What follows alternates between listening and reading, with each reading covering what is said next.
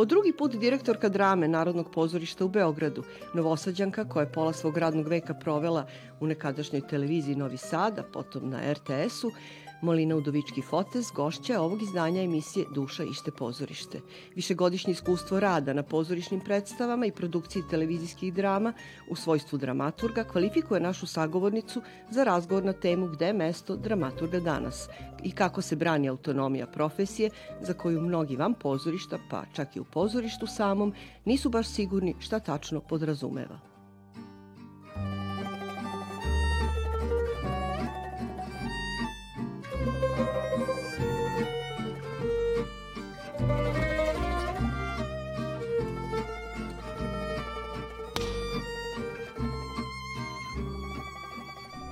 Dobrodošla u emisiju Duša ište pozorište. Bolje vas našli.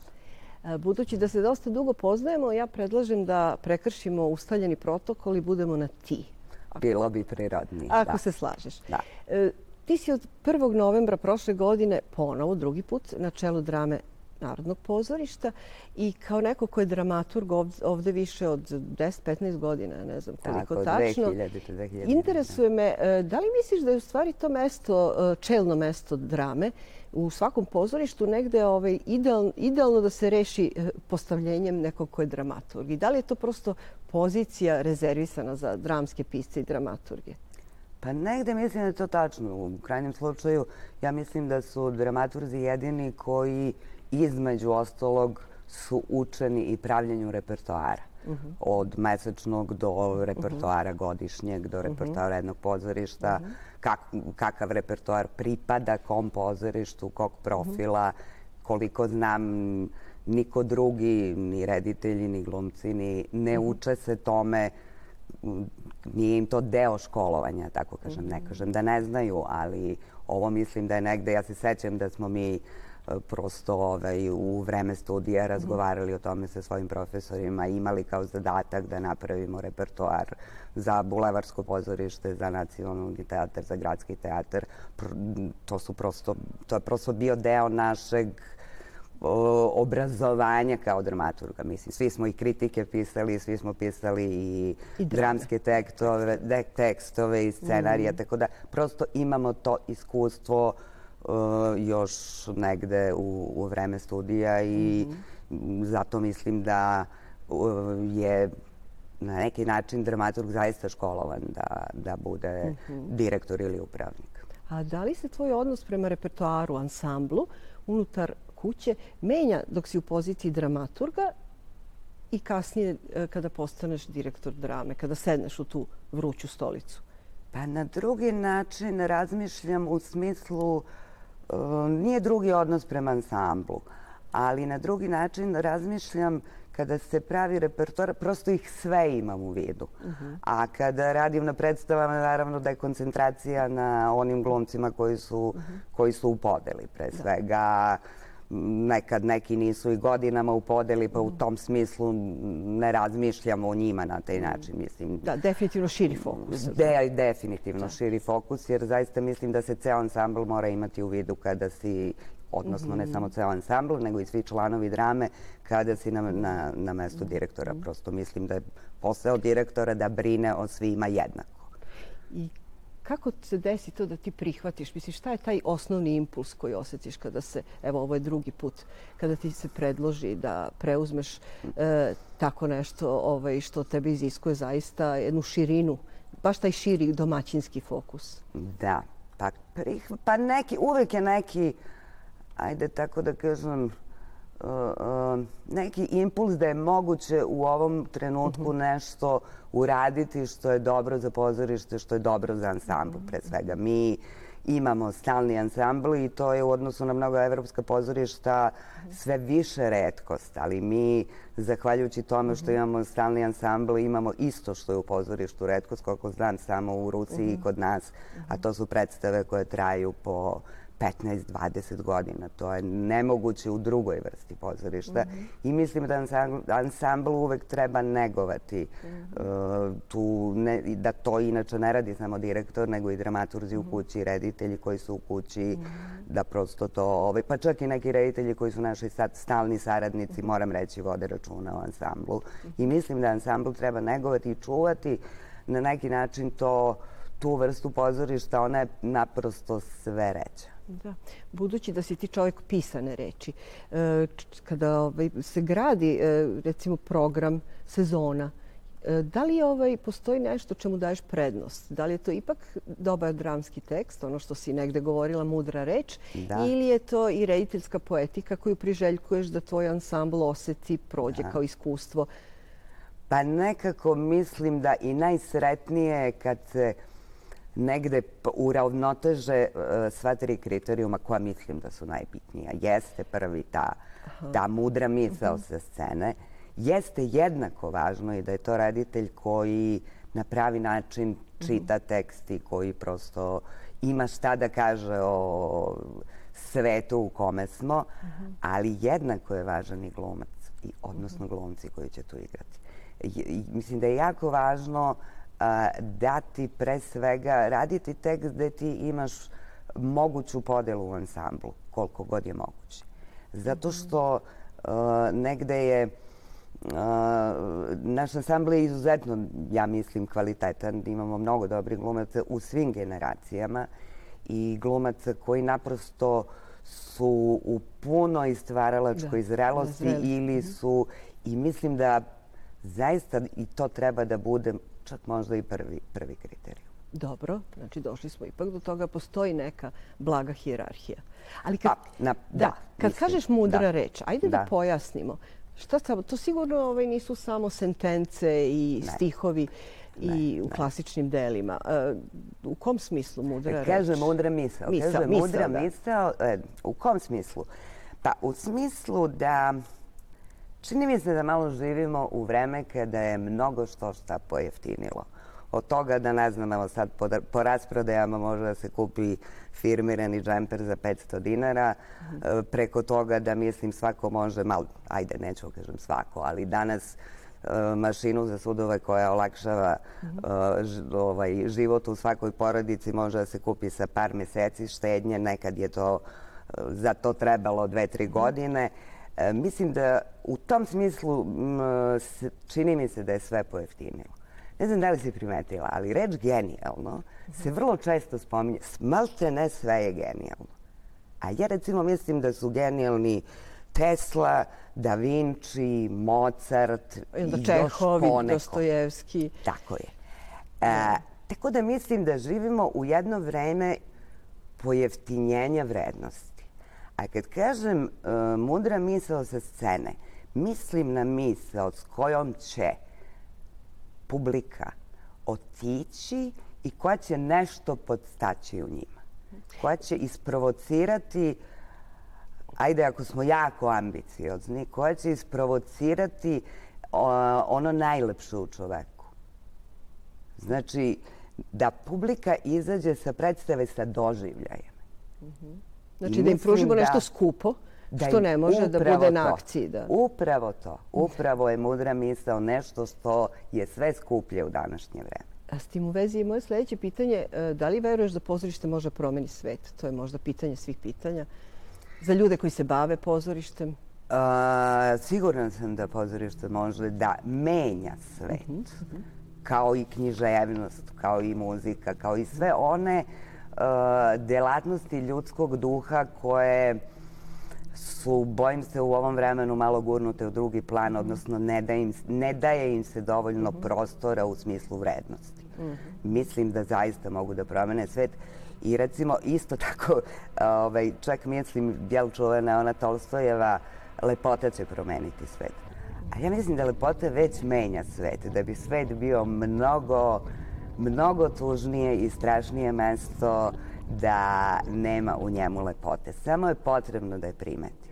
Šta misli o tome publika Narodnog pozorišta, odnosno šta želi da čuje, šta je najradije sluša i da li je još jedno pitanje uz ovo glavno je e, koliko je po strukturi ta publika mlada publika? Pa mi imamo zaista vernu publiku. Ja moram da kažem, e, čak publiku toliko verno da neke predstave gledaju više puta. Mm -hmm. Evo, zanimljivo je, skoro je bila premijera Kaligule. -hmm. Dakle, filozofska drama, Kami, zanimljiv naslov. Ali to je bila premijera na kojoj smo mi morali da ubacujemo stolice sa strane. To se ne događa svaki put. -hmm. Ja mislim da su, da je publika um, gladna dobrih naslova, dobrih predstava. Zanimljivo je između, isto recimo, naša česta publika su lekari. A, lekari da, veza rade... medicine i pozorišta je večita. Da, da. Da, to a, da evo, od Čehova. Aristotela, na da. primer, pa preko da. Čehova i... A, ti ljudi rade težak posao. I verovatno njima dolazak u pozorište naj lekovitiji i najbrži način da u roku od dva sata uđu u taj neki drugi svet. Da se resetuju. Ajde da kažemo da, popularno, da moderno, da se resetuju. Da, da, kako da kažem, um, da im se probudi uh, ono duhovno mm. u njima, da ne moraju da misle na... Toliko Tako na... da, mislim da bi bilo, uh, a konto toga lepše i da vi, političari više ovaj, dolaze u pozorište, ili oni rade težak posao isto odlučuju o sudbinama ljudi. Naravno. Uh, da. Mislim da svi koji, kako bih rekla, um, uh, imaju dnevne stresove poslovi, -hmm. da nekako se uh, najpre, ajde da kažemo, recituju uz pravu muziku, uz dobru knjigu i uz pozorišnu predstavu. Mm -hmm, mm -hmm. Jedna od e, osobenosti upravnikovanja Ivane Vujić, sa kojim si tada u menadžerskom da. tandemu praktično, jeste otvaranje ka međunarodnoj saradnji. I da li je to možda način da se i zaposleni u drami e, na neki način resetuju, da dožive neko provetravanje, jer će ući u stvari u neki proces kosmopolitizacije. Oni će se prosto prožimati sa nekim drugim ansamblima, u koprodukcijama dakle. i koliko je to isto nešto što je tebe inspirisalo i primamilo? A, to me izuzetno inspirisalo. Mislim da je bila jedna to, kada sam videla u mhm. prvih godinu dana kako mhm. Ivana Vujić otvara pozorište i to za sva tri ansambla ka, mhm. bukvalno ka svetu. A, I koje se saradnje ovaj, uspostavljaju između naših, našeg pozorišta, uglednih evropskih pozorišta i pozorišta koje su, mislim, sad to više balet i opera koji su i van Evrope i koliko se to neguje i koliko ona ume da radi taj posao. Moram reći da mislim da je to jako važno i da mislim da je to skraćeni put, pre svega za naše ansamble, da se, da tako kažem, izmere sa svetom. To podrazumeva da nama su došle fantastične predstave prošle godine iz Kraljevskog iz Dramatena, iz Kraljevskog švedskog pozorišta, iz Makedonije, iz Slovenije. Evo s nestrpljenjem očekujemo za neki dan dolazi dolazi ovaj, pozorište iz Klagenfurta sa mm -hmm. Hankeovom ovaj, dramom Čas kada nisto nismo znali jedni od drugima. Tu ćete opet ubacivati stolice, sigurno. sigurno Hanke u žiži. Sigurno, A. sigurno. Dakle, mislim da to sve jako doprinosi a, tome da se i naši ansambli, pre svega dramski, prosto vam je skraćen put, vi dođete u svoje pozorište i ne morate da idete nekud gledate neku mhm. predstavu koju teško da biste imali prilike da pogledate na nekom turističkom putovanju i teško da je neko danas ima, ako i ima novca, da ima vremena da sad uh, otputuje da upravo, upravo pogleda neku predstavu negde. Tako da sigurna sam da to pogotovo dugoročno donosi, donosi ovaj, uh, i našem ansamblu i beogradskoj publici, a i drugim beogradskim glumcima koji dolaze da gledaju mhm. predstave. Mm -hmm. Kiseonik, apsolutno. Da. Ja da. ne smijem da ne spomenem period rada uh, u televiziji, tadašnjoj Novi Sad, sadašnjoj radioteleviziji da. Vojvodine, da. u kojoj si ti u stvari neku polovinu svog radnog veka provela u dramskom da. programu kulturno-umetničkom, isto kao dramaturg, znači bazično u skladu sa svojom profesijom. Pa sam htjela da povučemo, ako možemo kratko, uh, tu neku suštinsku razliku između rada pripremi na scenariju i e, tvom dramatuškom recimo poslu koji si obavljala redovno e, kada se pripremala predstava za izvođenje na sceni, dramski tekst. Uvek je suština dobra priprema. U da. svakom poslu. Znači tako. Uvek je suština dobra priprema i ma i ručak kad kuvaš, mislim, ako sve iseckaš unapred i sve spremiš, e pa onda, nekako onda ide glatko. Da. Ima više prostora za kreaciju. I to je znači rad u stvari sa televizijskim rediteljem koji je u tom momentu, ovaj, u tom periodu rada na televiziji bio. Da. I ko su bili reditelji ili koje se to saradnje pamte? Dobro. Na kojim projektima koje su možda ovaj, pomerile tvoje shvatanje prof, svoje profesije? A, pa ja sam radila u igranom programu televizije Novi Sad 15. godina i bila sam i dramaturg i urednik um, u, ovaj, u igranom uh mhm. -huh. programu i urednik stranog programa. Kroz sve sam prošla. Bila za jedno vreme i urednik redakcije.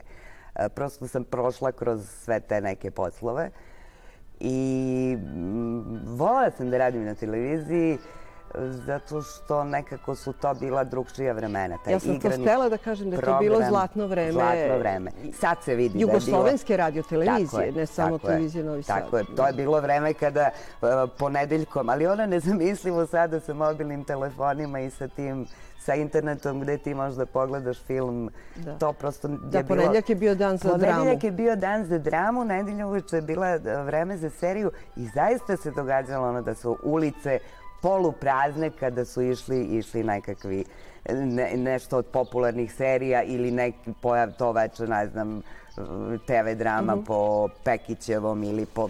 Dakle, zaista je to bilo vreme kada, kada je to imalo svoje mesto i kada se radilo ozbiljno, moram reći u odnosu na... Ja, meni je danas nezamislivo kad mi glumci ispričaju da dođu da snimaju neku seriju, a baš su dobili tekst koji će izgovoriti. Bez mislim. pripreme. Bez te takozvane pripreme. Kako će napraviti lik kako je sada dobio tekst? Mislim, u tom smislu je to nepojljivo. Prosto uh, se tada ozbiljno radilo. Divne ajde, uloge ajde su napravili. navedi nekoliko da. imena, da. ne moramo da produbljamo. Pa to recimo, ja, meni je nekakav drugi svet otvorio, na primjer, Želimir Žilnik kao jedan od, jel, praktično evropskih televizijskih i filmskih stvaralaca koji je dosta radio uh, te svoje dokumentarno mhm. igrane strukture ovaj, da, da, da. tada za televiziju Novi Sad.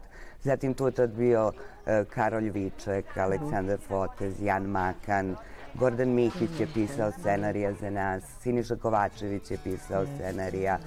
Tako da je prosto, um, kako kažem, to su, ja sam u redakciji uh, bila sa, kad sam primljena bio urednik Paul Šafer, u redakciji su bili sve vreme urednici i Laslo Vjajgel i Svetislav Jovanov.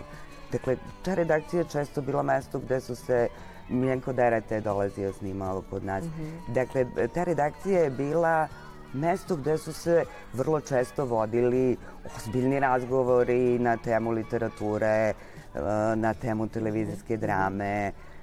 Zaista je, ovaj, čak su i voleli da dođu kod nas nekakvi ovaj, ljudi koji su imali šta da kažu. Mislim, Jančo je dolazio, nije radio spletom mm -hmm. okolnosti, ali to prosto je ta redakcija bila jedno uh, lepo mesto da se mnogo što što nauči o životu i svetu, ne samo o televiziji. Kasnije kada si počela da radiš u pozorištu, uh, koje bi reditelje spomenula kao markantne figure koje su ostavile traga? Ja nekako sad kad pogledam, mislim da sam imala uh, veliku sreću da radim samo sa dobrim rediteljima kao dramaturg. Možda je najzanimljiviji Jiži Mensu, kao mm -hmm. jel, ekskluzivan u, -hmm. u tom nekom smislu. On je došao kod nas u pozorište pa je gledao predstave Ribarske svađe. Ribarske svađe, da, jeste. Da. I onda, mislim, gledao je razne predstave mm -hmm. da bi mhm. napravio mm -hmm. svoju podelu, između ostalog i ribarske svađe. I onda pitao ko je radio štrih za ovaj, ovu predstavu i tadašnji direktor drame rekao da sam ja i tako sam bila dramaturg kod Mensla. Dakle, nije određivao po imenima, nije ni znao. Mm -hmm. ja. ovaj, radila sam, uh, ja mislim, najveći broj projekata od reditelja sa Jagošem Markovićem. Jagoš, da? Mm -hmm. I tu prosto, ovaj, mi se jako dobro znamo i poslednje jednu, dve predstave koje smo radili, mm -hmm. to je nekako is, iskraćen put, ali Jagožove probe su jako zanimljive.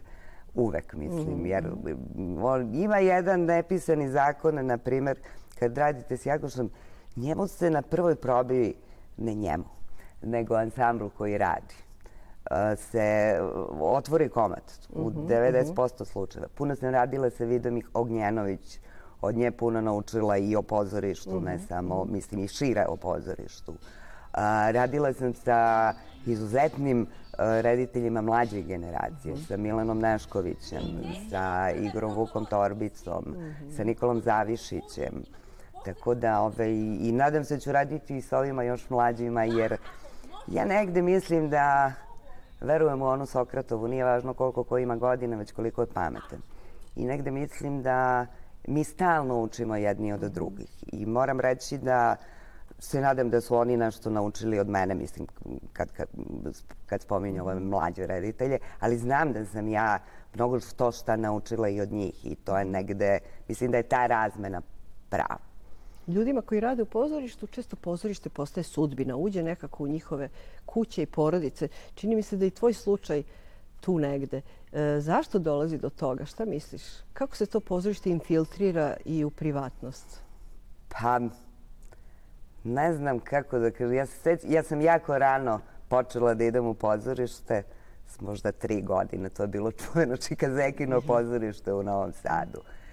Negde verovatno ta magija nekako uđe i negde ostane. Ako je neko od članova porodice Ako vezan je, profesionalno. Tako je, meni su mnogi članovi porodice bili vezani tako.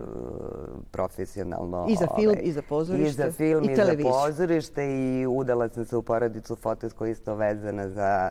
Evo sad je i moja čerka od koje sam očekivala nešto drugo da studira, samo je u jednom momentu rekla A mama, zar si ti mislila da će mene pozorište i film mimo ići? I ona je kostimograf kinja? Jeste, jeste. Da. Ona je mlada kostimograf kinja i evo, radi za sad i u pozorištu i na filmu, što mislim da je, da je lepo jer film ima svoju tajnu, pozorište ima svoju tajnu i nekako je ovaj, prosto možete da se do kraja života mm -hmm. da pokušavate da što više saznate o toj tajni koje te dve umetnosti sa ovom nose.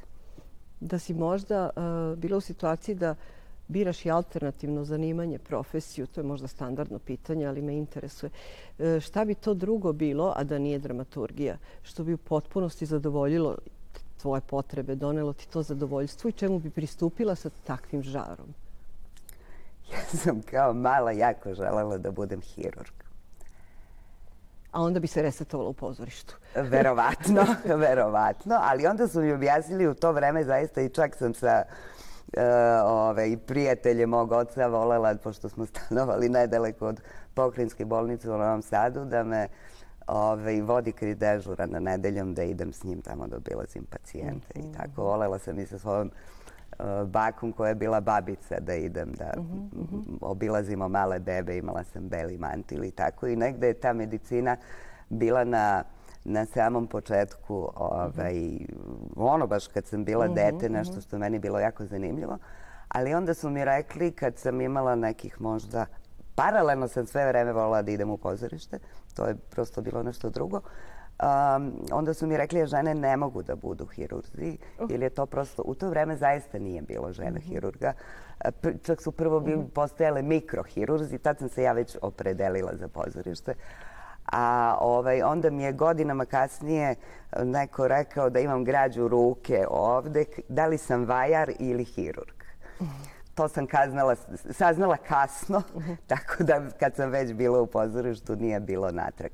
U svakom slučaju, uh, uh, ne znam da li je pozorište moja sudbina, ali meni u pozorištu uvek lepo i pozorište mi donosi radost. Da, to je definitivno tvoj za sada najbolji izbor. I da. potvrdili smo spoj medicine i pozorišne umetnosti na neki način. Izgleda. Viš da se to da, borilo da, u tebi da. toliko. Hvala ti na izdvojenom vremenu i na ovom razgovoru. Hvala i tebi i želim da ti kažem da mi je divan naslov ove emisije. Moja duša zaista ište pozorište. Thank.